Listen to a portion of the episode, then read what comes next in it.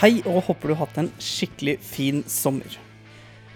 20.2 hadde vi en lanseringsfest. Det var et samarbeid mellom Ambulanseforum, som ga ut sitt første nummer i 2018, og denne podkasten, Du puster for fort, som var helt rykende fersk. Du skal nå få et utdrag av denne festen.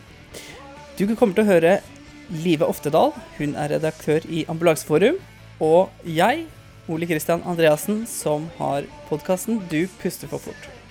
I Live fra Dattera til Hagen hører du Steinar Olsen, Nils Petter Oveland, Lene Nybø, Bjørn Jamtli og Finn Johansen.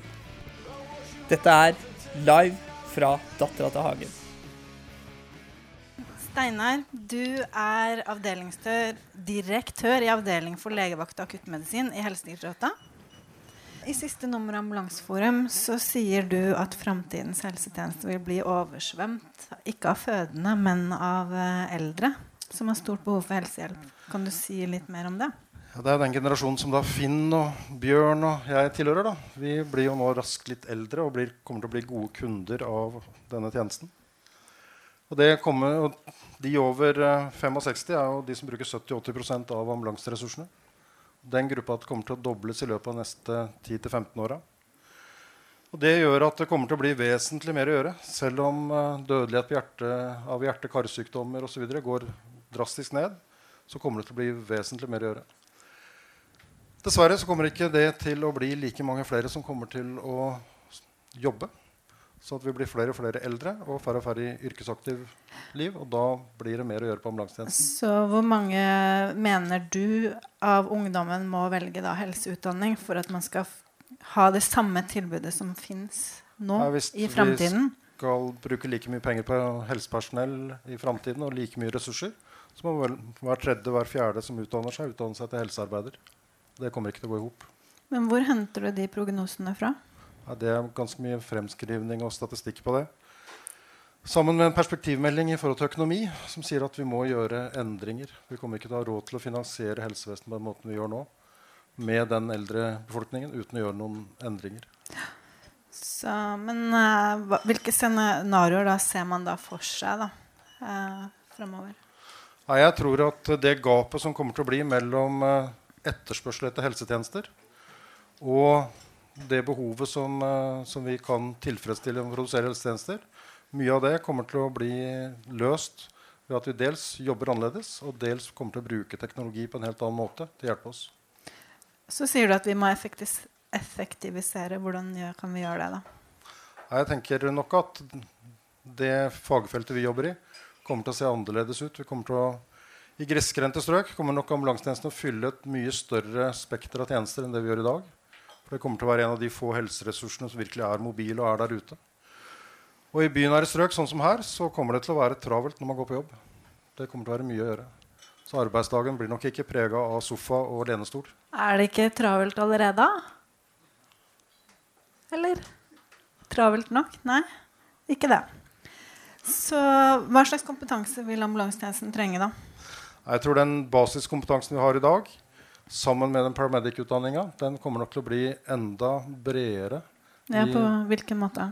At vi kommer til å få mye mer behov for generalister med bredde på, på allmennsykdom, på psykiatri, på rus. De delene av tjenesten. Samt det å være ute og beslutte hvor i helsetjenesten passer denne pasienten inn. Og treffe de beslutningene ute mye tidligere. Og kjøre færre på sykehus. Men kjøre de til kanskje primærhelsetjeneste, kanskje andre tilbud i helsetjenesten. Så hvem vil bli de viktigste samarbeidspartnerne da, for ambulansetjenesten? Blir det andre enn i dag?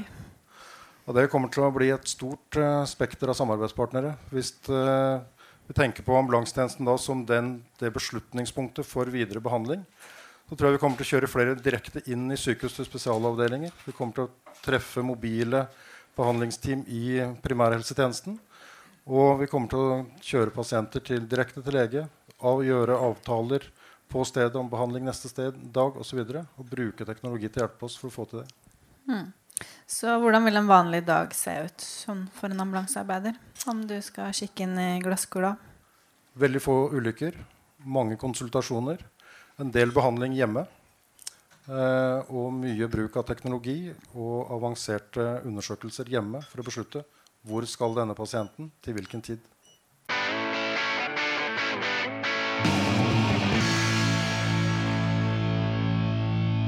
Tror du det?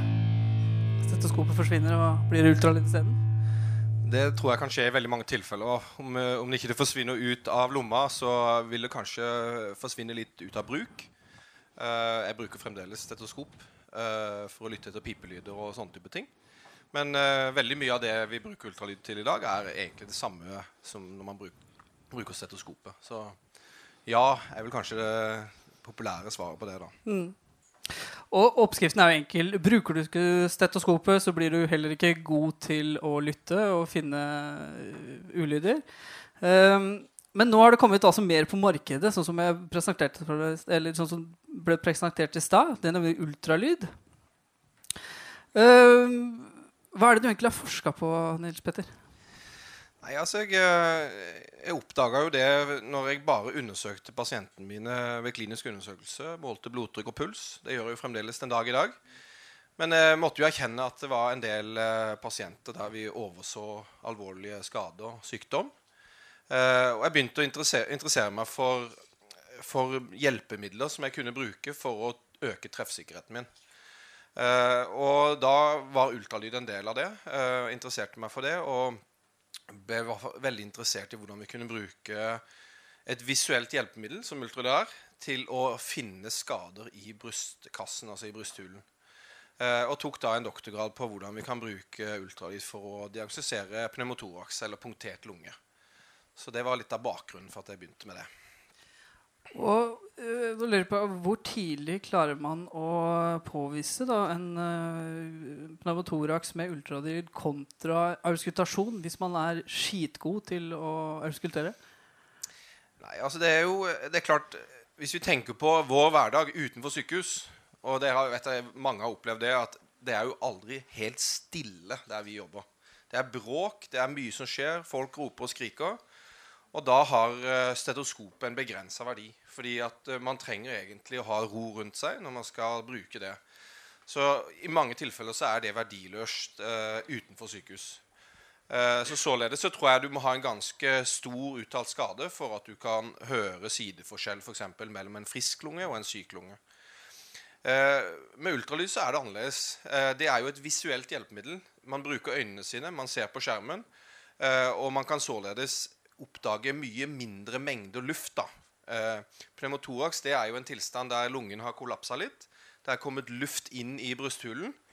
Og eh, Vi kikka litt på det i en av artiklene mine, der vi så at eh, så lite som en 20 ml sprøyte med luft var det som skulle til for at vi kunne oppdage at lungen hadde kollapsa litt. Så det er nok en mye mye mer følsom undersøkelse for å finne mindre enkle pneumotorakser. Vi snakka jo litt i stad, og da snakka du om eh, Og så har jeg lest også at eh, du hadde en forskning på at eh, i forhold til legestudenter som gjorde forsøk med, med, ultralyd, som ikke var vant til å bruke ultralyd heller, stemmer det?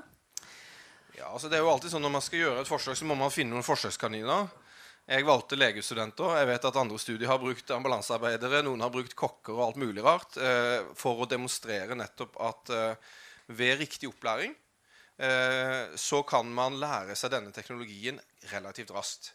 Vi eh, tok en gruppe med studenter som aldri hadde brukt ultralyd. Vi ga dem et, eh, en dags opplæring. Og så kjørte vi det gjennom en litt sånn spenstig eksamen. Vi, vi da, hadde tilgang på en dyrelab i Danmark, ved Skeiby sykehus. Og så hadde vi griser som lå der, der noen hadde friske lunger, noen hadde syke lunger. Og så slapp vi studentene løs, og de skulle da gå inn og prøve å stille riktig diagnose.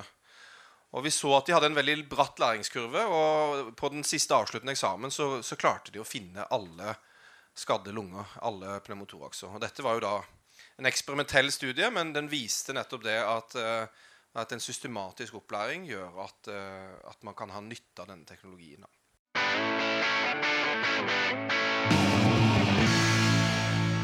Um, nå har vi den glede av å ha Bjørn Jamtli her. Jeg pleier å kalle deg for superbyråkrat. Men du er også da seniorrådgiver i Helsedirektoratet. Eh, ti år som anestesisykepleier.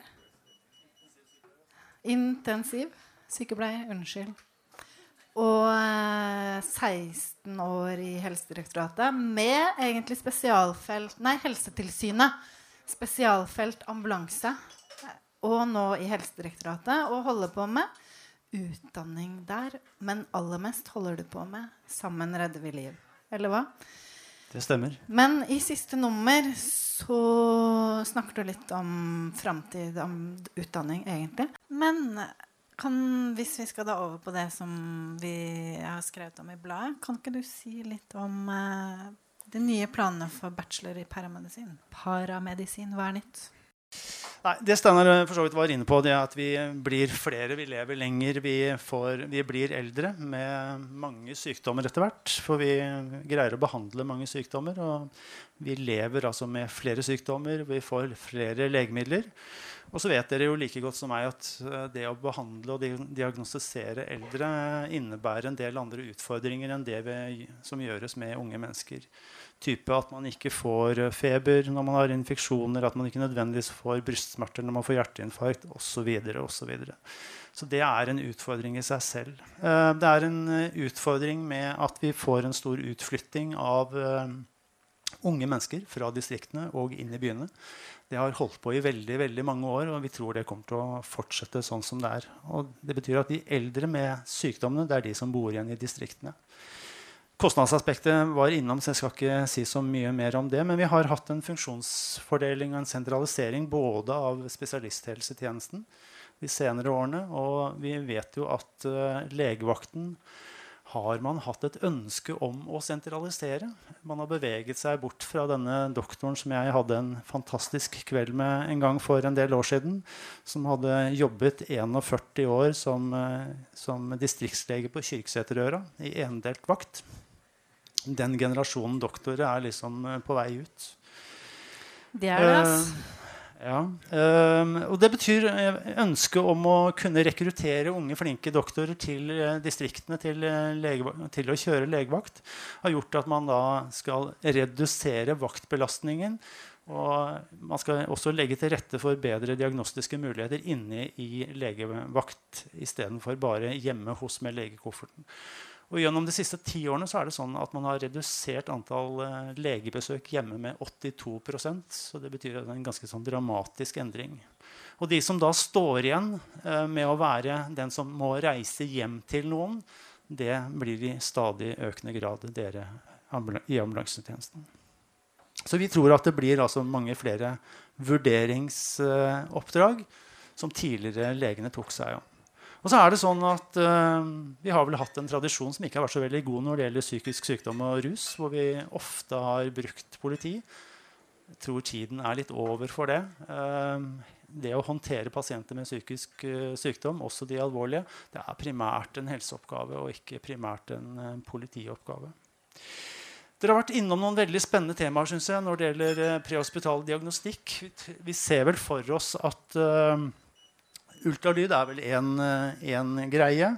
Uh, biomarkører, blodprøver, er det så lenge til uh, ambulansetjenesten skal uh, ved spørsmål om sepsis være den som tar en blodkultur hjemme hos fru Hansen og starter første dose med antibiotika istedenfor å vente til man kommer til sykehus? Det begynner UNN med nå. For eksempel, ikke mm. sant? Så det er en rekke sånne type utviklingstrekk tenker jeg, som vi må ta hensyn til. Det andre er at det er nye pasientgrupper som behandles hjemme. Um, det betyr jeg tror jeg For noen av dere har sikkert hørt det før, men det er noen av det som plager meg litt. Um, med f.eks. laparoskopisk kirurgi, som er veldig fint på den måten at man slipper å lage store snitt og sår i folk. Man har en kortvarig operasjon. Eh, man kan gjøre svære eh, kirurgiske inngrep, og så blir det veldig kort liggetid i sykehus. Det betyr at store f.eks. bukinngrep gjøres, og så skriver man ut pasienten dagen etter. Fint og flott på veldig mange måter, bortsett fra det faktum at de komplikasjonene som da kan oppstå, sånn som sepsisutvikling, anastomoselekkasjer og sånt, nå, det debuterer når pasienten er hjemme. Det betyr at uh, dere vil komme i kontakt med en del av de pasientene som blir veldig veldig dårlig etter kirurgi, f.eks. Vi har en utvikling med at uh, man i stadig større grad uh, behandler pasienter med alvorlig sykdom. Kreftpasienter med cellegift, som man gjør, gjør som dagbehandling. Og igjen så kan man få de samme problemstillingene, nemlig at de alvorlige komplikasjonene ja, de dukker opp når pasienten er kommet hjem. For ikke å snakke om de mest dårlige kreftpasienter, altså terminal pleie, hvor hjemmesykepleiertjenesten har begrenset kompetanse noen ganger til å gjøre noe med det. Vi har eh, hatt et ambulansefag som har utviklet seg veldig siden jeg eh, jeg husker min første vakt i, på Oslo legevakt, i ambulansetjenesten der. Da, da, er vi langt tilbake på begynnelsen av 1980-tallet. Da hadde jeg vært med i Røde Kors hjelpekorps i Oslo i mange år og var kjempesulten på å lære. Så jeg husker jeg spurte masse med han, der, som var sidemann og var bak i sykekupeen. Uh, men han svarte ikke så veldig godt for seg. og uh, når jeg da spurte han hvilken kompetanse han egentlig hadde, så viste det seg at han var rørlegger av uh, bakgrunn, men han hadde lengst kommunal ansiennitet, så derfor hadde han fått lov til å begynne i ambulansetjenesten i Oslo. Um, derfra så har det vært en veldig stigning i de årene, spesielt fra 96 og fremover, med utviklingen av ambulansefaget i videregående skole. Og jeg har veldig stor eh, respekt for eh, mange utrolig flinke ambulansearbeidere. Så la det være sagt først. Men så er det samtidig sånn at vi har liksom ikke kommet helt i mål med det jeg kaller ambulansefaget. Det å utvikle ambulansefaget til et eget fag. Det å drive fagutvikling, det å drive forskning. Og det er ikke så rart heller, fordi den akademiske kompetansen man får med seg som ambulansearbeider, den er begrenset. Så det å få til en bachelor paramedic-utdanning på høyskolenivå som et start for noen av de som ønsker å gjøre en akademisk eh, karriere, det tror jeg er et veldig veldig viktig steg i retning av at det er fagmiljøet som i fremtiden skal definere hvordan innholdet i ambulansetjenesten skal være, i mindre grad meg og Steinar som byråkrater. Så det tror jeg er viktig. Og legen for så vidt også, men jeg tenker de skal også være en viktig premissleverandør i tiden som kommer. Men men fremfor alt at ambulansetjenesten selv utvikler et fagmiljø mm. som sier noe om hva er god praksis i mm. ambulansetjenesten.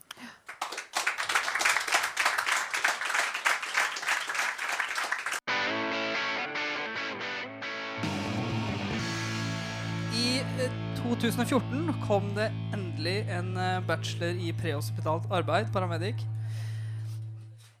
dette vil jo være med på å videreutvikle faget vårt uh, og bidra til forskning på vårt nivå. Det er ikke så veldig mye forskning på vårt nivå nå. Vi skal prate med en som har vært med på pilotkullet uh, på denne utdannelsen på Høgskolen i Oslo, nå Oslo Mets. Hun heter Lene Nybø. Hun jobber som sykepleier på akuttmottaket på Diakonhjemmet. Og pluss at hun jobber i vikarpoolen til Oslo universitetssykehus. Hei, Lene. Takk for at du ville komme. Hei, hei, takk ja. for at du ville ha meg. Uh, nå har du vært gjennom uh, tre år og har en bachelor både i sykepleie og uh, paramedisin. var det en fordel å ha sykepleier i altså Hva slags fordeler hadde du egentlig med å ha en sykepleierbakgrunn fra før? Eh, ja, jeg hadde en del fordeler med bare det at jeg hadde sykepleierutdannelsen. Eh, jeg kunne mer om anatomi og fysiologi eh, og sykdomslære. Jeg hadde møtt flere pasienter enn mange av mine med medstudenter. Men det jeg hadde mest utnytta, var at jeg hadde erfaring med akuttmedisin. Både fra ambulansen og fra akuttmottaket da, før jeg begynte på studiet. Det gjorde meg i hvert fall veldig mye tryggere. Samtidig som jeg også sikkert hadde en del sånn der ting som man har funnet ut at man skal gjøre som man kanskje ikke eh, Altså en del snarveier da, når man gjør ting med pasientene. Hvordan man undersøker Man tenker at ja, skjønner hva dette er, gidder trenger ikke å sjekke det. Eller, ja, som man kanskje må plukke av seg. da, mm. eh, Som jeg lærte da gjennom skolen, at eh, man kanskje skal gjøre det ordentlig hver gang. Mm. Ja. Og nå har du jobba både som uh, vikar før du begynte på skolen. Du har jobba som vikar gjennom hele studiet. Og eh, nå er du ferdig og jobber uh, også som vikar rundt. Um, Hva syns du er de største, eller hva har vært de største utfordringene med å jobbe prehospitalt? Og hva er de største utfordringene nå, syns du? Det er jo en veldig annen måte å jobbe på enn det jeg var vant med inne. Eh, pasientene er stort sett de samme, men når de kommer inn på sykehus, så ligger de jo i en seng og har fått på seg pasientskjorte, og alt er liksom ordnet. Og de har en klistrelapp på seg som sier eh, magesmerter eller eh, brystsmerter eller eh, lungeemboli eller så ting, alt er mye mer ordna. Når du kommer ut, så er du kanskje hjemme hos en pasient. Eh, eller ute. Må, det er veldig mange andre ting du må tenke på da, i forhold til evakuering.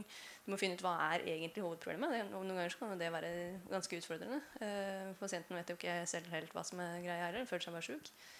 Så man må på en måte jobbe på en helt annen måte. Du er nødt til å systematisk undersøke pasienten, Um, finne ut hva som er problemet, og hvor du skal kjøre hen. ikke minst. I hvert fall her i Oslo er det jo så mange forskjellige sykehus som melder mellom. og så må du få den ut. da. Det, jo, det kan jo ta kjempelang tid, det òg. Bare å få med seg pasienten i bilen. Ja. Um, så ja, det har vært uh, utfordringer. Men det jeg syns kanskje var vanskeligst, var jo det å uh, undersøke pasienten. og sånn, Det gikk jo greit. Men så var det det å ta en beslutning og finne ut hvilken behandling skal vi tilby denne pasienten, og hvor skal vi kjøre hen. For fordi som sykepleier så er det sånn Jeg kan jo undersøke pasienten, og så skriver jeg ned verdiene, og så gir jeg det til legen, og så får jeg en fasit tilbake. Nå skal du gjøre sånn og sånn. Ja. Eh, hva fikk du mest ut av altså, faglig i forhold til bachelorstudiet? Oh, ja, det var mye. Eh, veldig mye mer akuttmedisin. På sykepleierstudiet er det ikke veldig mye fokus på akuttmedisin. Eh, så alt som har med det å gjøre teoretisk, har jeg da lært på skolen. Eh, og, så det, det, å bli eh, litt tryggere på meg selv. Da. Hvordan at de vurderingene jeg gjør, eh, er riktig, eller at det er i hvert fall i nærheten av det som er faktisk problemet med pasienten. Um, og så er det alt det der som har med det operative. Det hadde jo ikke jeg noe erfaring med. Uh, fordi når man jobber som assistent, så sitter man jo bare ved siden av, og så ordner paramedicen allting, og så kan man gå og finne en pasient, så, ja, så man slipper å Slipper å gjøre alt det operative. Uh, men så var det jo litt sånn Vi skulle jo liksom bli paramedic, da. Så da måtte man jo liksom trene litt på det òg. Jeg syns fortsatt det er kjempeskummelt, for jeg jobber jo fortsatt som vikar. Så jeg har jo fortsatt ikke, får jo fortsatt ikke de uh, treningene på det. da. Du, uh, Lene, hjertelig takk for at du ville komme og prate litt, litt kort om uh, hva du har vært gjennom, og, og veien videre nå. applaus. Ja.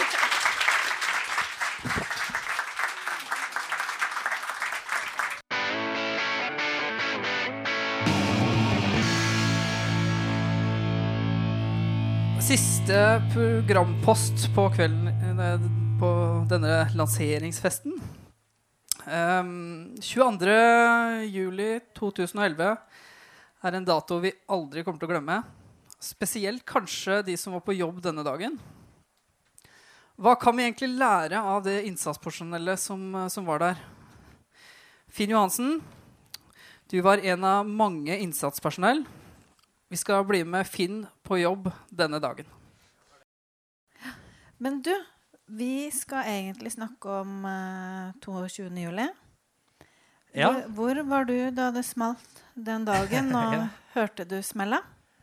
Nei, smellet hørte jeg ikke. Jeg var eh, på jobb uh, på 119 eller på legeambulansen, og vi var, i, vi var akkurat ferdig med et oppdrag. Hadde vært på legevakten, så vidt jeg husker var på vei opp Hausmanns gate og sto utenfor Hausmania, hvor eh, AMK plutselig kaller på oss og sier at uh, dere må snu og kjøre tilbake, for det er en eksplosjon i Storgaten i sportsforretningen XXL. Ja, Så det var meldingen fra AMK, en eksplosjon? Ja, så det vi tenkte, var jo at uh, det var jo ikke noe sånn En eksplosjon er jo en eksplosjon, men vi tenkte aldri i de dimensjonene som dette egentlig var. Så vi så for oss en arbeidsulykke eller et eller annet sånt noe. Satte kursen, uh, snudde rundt i veien og satte kursen ned mot, uh, mot uh, ned Hausmannsgata og, og, svingte ned Storgata. Og da når vi kommer nedover Storgata, så, så begynner vi å stusse litt. For det, det, kommer jo folk løpende mot oss fra alle kanter og ut fra alle smug. Og når vi kommer enda litt lenger ned, så ser vi jo at hele Storgata er full av glassbiter. Altså masse glass hadde, hadde altså, gått med i eksplosjonen og lå ute i gaten. Det jeg også reagerte på, var at det løp mennesker uh, ut fra hvert eneste tverrgate. Og det vi så, var at eh, Og det, det, jeg kommer ikke til å glemme det synet med at alle gikk med en mobiltelefon enten i øret eller med telefonen over hodet, hvor de gikk og enten fotograferte eller tok opp film. Det er, det er et klart bilde jeg har fra den dagen ned Storgata. Så, men når, når gikk det opp for deg at dette her var noe annet og en veldig stor hendelse? da? Nei, det som skjedde, var jo at uh, når vi kommer forbi der nede, så ser vi jo ikke noe arnested. Det var Problemet var å finne arnested den dagen. Og når vi kommer litt lenger ned, så kaller AMK oss opp igjen. Og da ligger uh, eh, 02 foran oss, som er Bjørn Sveen den dagen. Og doktoren som jeg har med, er um, Rune Rimstad. Og da får vi beskjed, og vi var de to første enhetene som var på vei dit. Og vi hører jo at de kaller ut flere og flere biler. og da, når vi kommer forbi nede ved XSC, så ser vi jo ikke noe arnested. Og da sier AMK det er absolutt flest telefoner fra VG-bygget. Der hadde de fått 80 telefoner. Oi. Så setter vi da kursen videre oppover grensen og kjører inn Akersgata. Og plutselig så står vi jo da midt inne i Arnested. Som da er regjeringsbygget? Da var vi midt inne i regjeringskvartalet. Og det vi ser jo der, er jo på en måte Jeg har jo vært en del utenlandsoppdrag også, og det kan sammenlignes med en del av de krigsskueplassene som vi har vært på tidligere. Så hva i all verden tenkte du da? Hva, tenkte du noe rundt egen sikkerhet, eller hva tenkte du? Vet du hva? Jeg, det eneste jeg kan si, er at du blir så fokusert. Altså, når du kjører rett inn i et område som det, så vil jo alle kanskje i ettertid si hva tenkte dere om sikkerheten? Mm. Og det, det, vi gjorde, var at vi sto midt inni det plutselig. og det som da skjedde, var at vi kom til et point of no return, kan man si. Og det hadde ikke vært muligheter for oss til å tråkket oss ut fra det området. Hva så, hva så du der? Klarer du å beskrive det?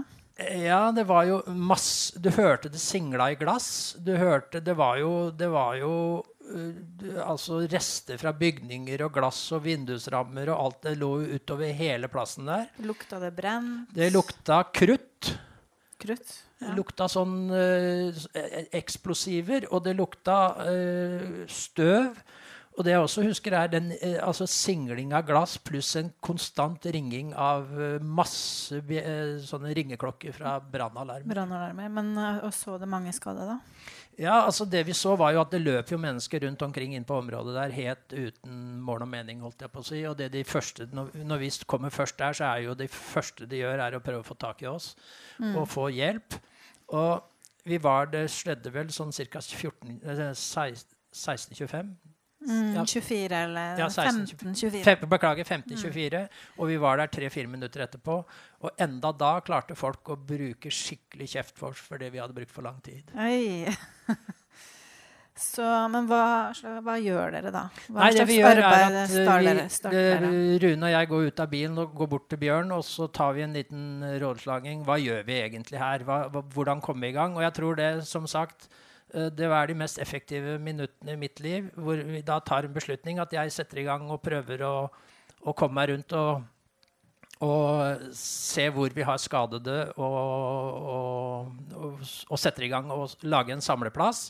Mens Rune og Bjørn da skal prøve å, å komme og finne, finne innsatsleder brann og innsatsleder helse, sånn at de kunne starte et, en organisert redningsplass. Eller innsatsleder politi. Hva sa du? Ja, innsatsleder politi og brann. Ja, hva er det? Ja, ok. Ja. ja. ja. Du sa helse. Det, oh, ja, ok. ja, ja, nei, helse var, jo var vår egen stemmer. Ja, klart. Beklager. Eller, ja.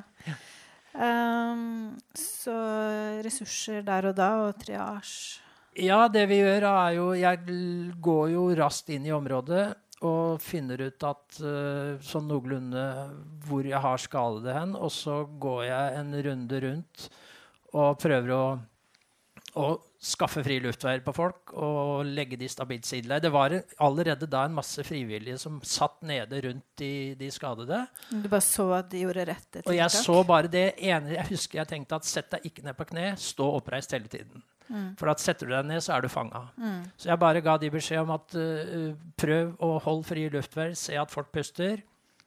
Og uh, gi meg beskjed hvis det er noe, så trakk jeg meg tilbake. Mm. Og det jeg også vil si er at det var liksom Det var ti minutter med hvor du totalt var helt aleine.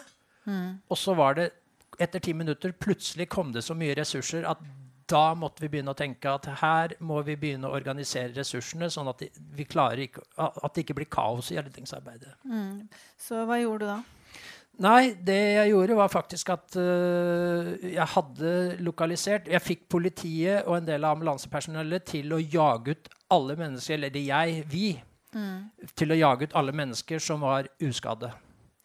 Og så fikk vi alle som var skadde, men kunne gå, til å komme til meg, som sto på den samleplassen og prøvde å organisere den. Uh, tanken med det var faktisk at jeg og, de, mange med meg var helt sikre på at inni det bygget fantes det mange, mange flere skader enn det vi så utvendig. Mm. Så hensikten med å rydde så raskt og effektivt som vi gjorde, var rett og slett å få plass til å kunne starte en stor samleplass for å kunne evakuere evakuere skader ut av selve bygningene. Mm. Og det var kanskje noe av det mest lyks lykksalige med hele Jeg har et glass vann. Ja. Mm. det var kanskje det mest lykksalige med hele aksjonen. Det var at det var faktisk ikke mange mennesker igjen inne i den bygningen. For det var fellesferie? Ja, og det gjorde kanskje også til at vi var så effektive som det vi var til å rydde rundt omkring bygget. Mm. Men hva gjorde Kapra du en buss, eller hva? ja, det begynte jo Altså, det å det å holde styr på byråkrater, eh, det er ikke så helt enkelt. det var byråkrater Så de som kom rundt meg der, da, de, de, var jo helt umulig å holde styr på. Og de, jeg prøvde å samle dem, men det var helt umulig. Og så så jeg det sto en buss bortpå en busstopp rett ved siden av, rett utafor uh, Høyesterettsplass der. Så tenkte jeg den må jeg bare få tak i og så få samla disse menneskene. Og dette var mennesker som, som var skadde, men kunne gå. Mm. Så tenkte jeg vi må bare se få samla dem inn på ett sted. For her, jeg klarer ikke å holde styr på dem. For de gikk rundt, og alle gikk med telefoner, og alle skulle dit og skulle datt. Så jeg fikk vinka fram han bussjåføren da, og, og jagde ut noen av de passasjerene. Og vi hadde en sånn litt artig diskusjon, bussjåføren og jeg på at uh, han måtte bare ringe sjefen sin først og høre om dette var i orden. Og da sier at akkurat nå er jeg sjefen din, og hvis du ikke hører på det, så kommer jeg til å, å ta bussen sjøl. Og da sier han ja, men hvem skal vaske bussen? Og da sier jeg at uh, ja, nei, det skal du ikke bekymre deg for. Hvis ikke du får noen andre til å gjøre det, så skal jeg komme og gjøre det etterpå. Dette, det, dette, var liksom eh, litt av det, det, det er jo en tragedie, men det var litt av det, litt av det, som skjedde på hvordan folk tenker i en sånn situasjon. Og jeg har full forståelse for det, men, men på en måte så, så må man uh, være litt streng noen ganger. Så tok den bussen, sendte var det 90 stykker til legevakta? eller? Fikk kjørt fram den, og så samla jeg, jeg, alle som var, kunne gå, uh, men var skadde, og sendte de inn på bussen for å samle de der. Og så holdt jeg den bussen så jeg hadde dem. Og det kom folk ut hele tiden med telefonen i øret og sa at jeg må bare snakke med statsministeren. jeg må bare snakke med... Og da sier jeg ikke noe diskusjon. Gå inn på bussen igjen. Så jeg, jeg, har aldri følt meg så mektig i hele mitt liv som akkurat, akkurat den dagen hvor jeg hadde styr på alle disse menneskene som skulle inn på den bussen. Og det var en utfordring å holde de der inne. Og jeg vil nok si også at mange av de skadede som kom der, ville nok i et normalt enkeltvis tilfelle vært sendt som multitraume til et akuttmottak. Mm. Men akkurat den dagen så var vi helt tro imot. Kan du gå og er skadet, så skal du til legevakten og ikke belaste Ullevål. Mm. Dette gjorde at vi fikk et veldig oversiktlig område. Det som lå igjen inne i området der da, det var faktisk pasienter som, eh, som lå nede. Mm. Noen meget hardt skadde, og noen døde og noen også døende. Og noen også uh, ikke så skadet, annet enn at de, bare at de ikke kunne gå. Jeg hadde ganske god kontroll på hvor de lå hen, de forskjellige, så det vi gjorde da, var å holde de store ressursene som var i ferd med å komme seg inn i området, uh, rolig. Og så sendte vi inn ambulanseteam mm. fra, bil, fra hver enkelt bil inn til hver enkelt skadet pasient. Og så kjørte de ut enkeltvis uh, skada. Og når jeg igjen prater om det der med at uh, mange av de pasientene som, kanskje, som nå kanskje ville uh, vært sendt som, uh, som, multitraumer, så tror jeg at, at jeg var så overbevist om at vi kunne ikke søle med én eneste båre i forhold til at vi kom til å få mange hardt skadde ut av det bygget. Og Derfor så ser jeg i ettertid at det er jo mange av de menneskene som kanskje det, Jeg har jo hørt, jeg har jo lest en artikkel om den bussturen fra, fra, fra regjeringskvartalet og ned til legevakten, at den var ganske spesiell. Det kom en ambulanse, et ambulansepersonell der i en enkel bil, og han sa at 'jeg har bare vært og skifta og hørte dette var, og kan jeg hjelpe til med noe?' Og jeg sa at 'du kan føre den bussen ned til Oslo legevakt'. Ja. Så han kjørte foran bussen ned til Oslo legevakt. Men det jeg har hørt, er at eh, alle var triasjert veldig riktig, egentlig. Altså Ja, altså det, for å si det sånn, det var ikke Triasjeringen var veldig sånn eh, det, For det første vil jeg si at Utøya var et mye mer komplisert skadeområde og en mye større katastrofe enn det som skjedde i regjeringskvartalet. Eh, Jeg sier ikke det var enkelt, men det var enten så var de hardt skadede, eller så var de lett skadede. Mm. Det var ikke noe mellomting. der, så, var, så triasjeringa er nok ikke så komplisert som det man kan høres ut som. Det var kunne du gå, så gikk de, og de som kunne gå, de var ikke hardere skadet enn at de kunne gå. for å si det sånn. De som lå igjen, de ble kjørt til, eh, til Ullevål sykehus. Så, men hva mener du er viktige momenter for å effektivt skadestedsarbeid? da? Jeg tenker at det man må gjøre, er å tenke veldig enk tenke enkelt. Eh, så enkelt begynner man med at man må tenke få de uskadde vekk, få de skadede ut, og få de som ligger igjen, til sykehus så raskt som mulig. Så enkelt. Og så må man bygge på det. Og da kan man ut ifra en sånn enkel filosofi bygge på produksjonslinjer, vil jeg kalle det, som gjør at man løser problemene. Og så tror jeg på en måte det med å være litt jeg, For meg så har det det er en ledelsesfilosofi som jeg, jeg har også Jeg jobber Jeg, Jeg eh, har litt eh, med eh, 60-poengerstudiet til paramedic å gjøre. Ja. Og der prøver jeg å si at situasjonsbestemt ledelse er noe vi virkelig bør ha forståelse for i ambulansetjenesten. Og det bør alle kjenne til. Når du er diktatorisk, så er det en grunn til det. Når du er med, og, så er det grunner. Altså, situasjonsbestemt ledelse er noe alle burde kjenne til, for det er noe vi virkelig trenger eh, i den jobben vi gjør. Så, og det er da forskjellige typer ledelse? Det er forskjellige typer faser i hvordan Har du en lærling du skal drive opplæring med, så er det klart at du, du kan være mer deltakende. Står du i en situasjon hvor du trenger beslutninger der og da, så, så er det bare én beslutning som gjelder. Og det på grunn av at tiden uh, spiller inn, men også at du kan vende over til fra en situasjonsbestemt ledelse til en, uh, en mer deltakende ledelse. Det er en sånn uh, fin filosofi man bør ha. Ja, sånn at den som når det er ja, Noen ganger må det være diktatorisk. det er Andre er ganger er du ja, Ja. deltakende, eller Ja, det er jo, vi har jo som sagt ja, Jeg anbefaler folk å se på situasjonsbestemt ledelse. Sette seg inn i det, så vil de finne ut hva det gjelder. Men uh, vi skal ikke lage for stort fokus på det. Neida. Har, eh, har den eh, innsatsen påvirka deg i ettertid? Ja, det er jo klart at Spesielt at folk alle tror at jeg har Jeg hører jo om den bussen hele tida, som jeg syns Det er jo ganske opp i dagen. Jeg syns ikke det var så spesielt, for da fikk jeg jo samla disse byråkratene. Men, men det som det har påvirka meg, er at jeg på en måte Jeg håper ingen misforstår når jeg sier at jeg, jeg er på en måte takknemlig for at jeg har fått vært med og bidra i en sånn katastrofe som Norge har hatt. Eh, jeg beundrer mye mer de som har sittet på, på, på veien ned til Utøya, ikke fått delta, som satt i Møllergata uten å få komme inn fordi vi hadde mer enn nok ressurser. Eh, det å få lov å, å gjøre det man kan, gir en form for tilfredsstillelse. Og også å bidra med det man kan. Så derfor så føler jeg at, eh, at eh, på en måte, Jeg vet ikke om dere forstår det, men det er en sånn form for takknemlighet som gjør at eh, jeg har fått bidratt med noe. Og det man også kan si litt om, er jo at vi tok jo noen sjanser den dagen. Da. Det, er, det er jo ikke sikkert sånn Etter en vanlig ambulansedag så, har vi, så fulgte vi jo ikke alle sikkerhetsregler når vi sto plutselig oppi dette her. Dere dro ikke ut? Nei, så kan man si Hvor skulle man dratt den en sånn dag som det? Hvor skulle man trukket seg tilbake? Og hvis vi hadde trukket oss tilbake, hva ville det, hva ville vært sagt i ettertid da? Utøya fikk jo den.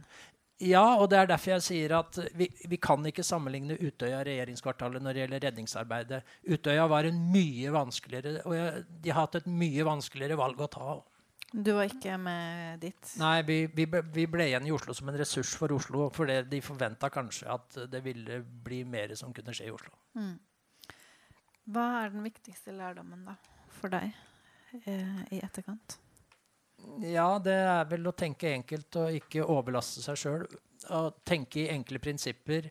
Ikke kan, eh, I en sånn situasjon så kan du overloade deg sjøl hvor mye du vil ved å dra inn så mange ting som du bare ønsker. Gå inn og tenke de mest enkle prinsippene, og så prøve å bygge seg ut derfra, sånn at man får til effektivitet. Ta kontroll på kaosfasen, og få den over i en uh, respons- og arbeidsfase så fort som mulig. Mm. Thank you.